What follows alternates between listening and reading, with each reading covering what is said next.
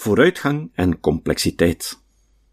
De voorgaande thema's sluiten aan bij de problematiek rond de notie vooruitgang. Hoewel we hierop reeds eerder zijn ingegaan, is het onderwerp belangrijk genoeg om het nog even te hernemen. Hoe kan er, vanuit Darwinistisch perspectief, sprake zijn van vooruitgang? Levende wezens reproduceren zich en er ontstaat variatie. Adaptieve variaties brengen een grotere reproductieve fitness teweeg. Non-adaptieve verdwijnen. Dit proces herhaalt zich telkens weer opnieuw. Er valt geen gerechtheid in de geschiedenis van het leven te bespeuren. Waartoe evolutie zal leiden is geheel onvoorspelbaar. In een evolutionair kader kan het begrip vooruitgang dan ook alleen zinvol worden gebruikt op basis van relatieve criteria. Evolutie denkt niets, wil niets en streeft nergens naar. Het is een volstrekt blind proces, voortkomend uit het feit dat een bepaalde molecule, DNA, organismen opbouwt en zichzelf reproduceert door middel van die organismen. Eigenschappen die het verloop van dat proces vergemakkelijken, blijven bewaard. Nadelige eigenschappen verdwijnen en het is om het even welke eigenschappen dat zijn. Mensen hebben de neiging de ontwikkeling van bewustzijn te interpreteren als het voorbeeld bij uitstek van evolutionaire vooruitgang. Bewuste wezens, in het bijzonder mensen, zouden zich hoger op de zogenaamde, in feite onbestaande, evolutionaire ladder bevinden dan organismen zonder bewustzijn. Maar bewustzijn is slechts een eigenschap die de reproductie van het DNA van die organismen bevordert. Het bezit van een slurf is een unieke eigenschap ter bevordering van de reproductie van het DNA van olifanten. De staart van een pauw is een voor pauwenhennen en toevallig ook voor mensen, indrukwekkend fenomeen dat het DNA van een pauwenhaan kan helpen door te reizen naar de volgende generatie. We kunnen natuurlijk afspreken dat we bijvoorbeeld de mogelijkheid ter informatieverwerking over de buitenwereld als een criterium van vooruitgang beschouwen. De ontwikkeling van zintuigen en breinen betekent dan duidelijk vooruitgang in de geschiedenis van het leven. Het criterium kan echter alleen maar slaan op datgene waarop het, volgens afspraak, van toepassing is.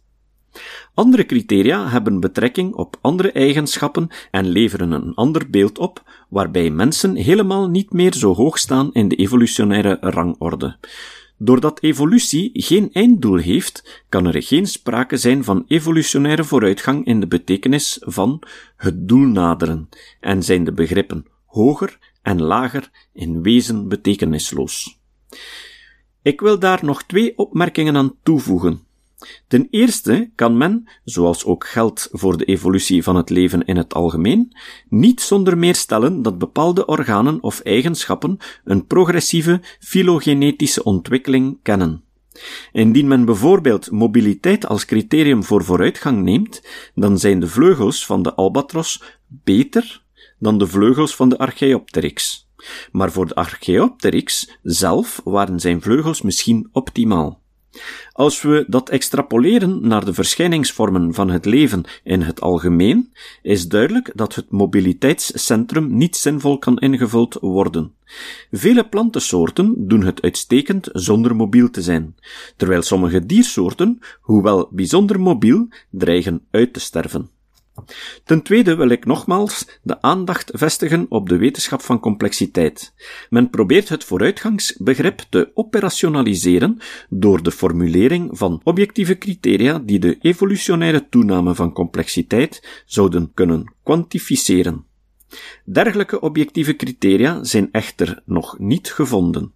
Een wetenschappelijke consensus erover bestaat niet. Op basis van sommige criteria stelt men zelfs eerder een vermindering van complexiteit in de loop van de evolutie vast. Vanuit een strikt Darwinistisch perspectief verwondert dat laatste overigens niet. Ondanks het wijdverbreide geloof in het tegendeel. Een toename van complexiteit, hoe men dit begrip ook invult, zal onder bepaalde omstandigheden immers adaptief zijn en blijven bestaan, maar onder andere omstandigheden niet adaptief zijn en verdwijnen. Darwin merkte dit reeds op.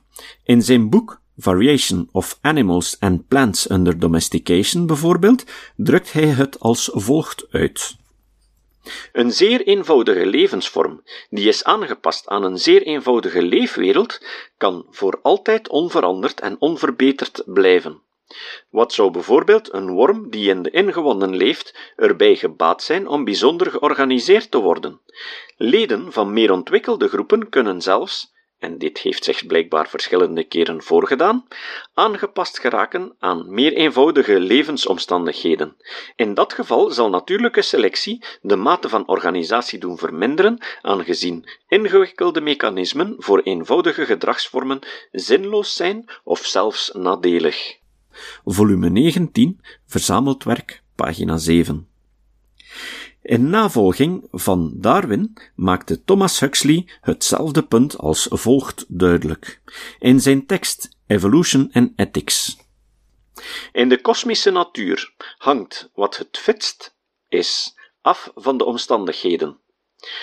Als onze hemisfeer weer zou afkoelen, zou het overleven van de best aangepasten in het plantenrijk misschien een populatie van altijd onvolgroeider en nederiger organismen voortbrengen, tot de fitsten, die overleven niets anders zijn dan korstmossen, kiezelwieren en microscopische organismen. 1893, 1989, pagina 138-139.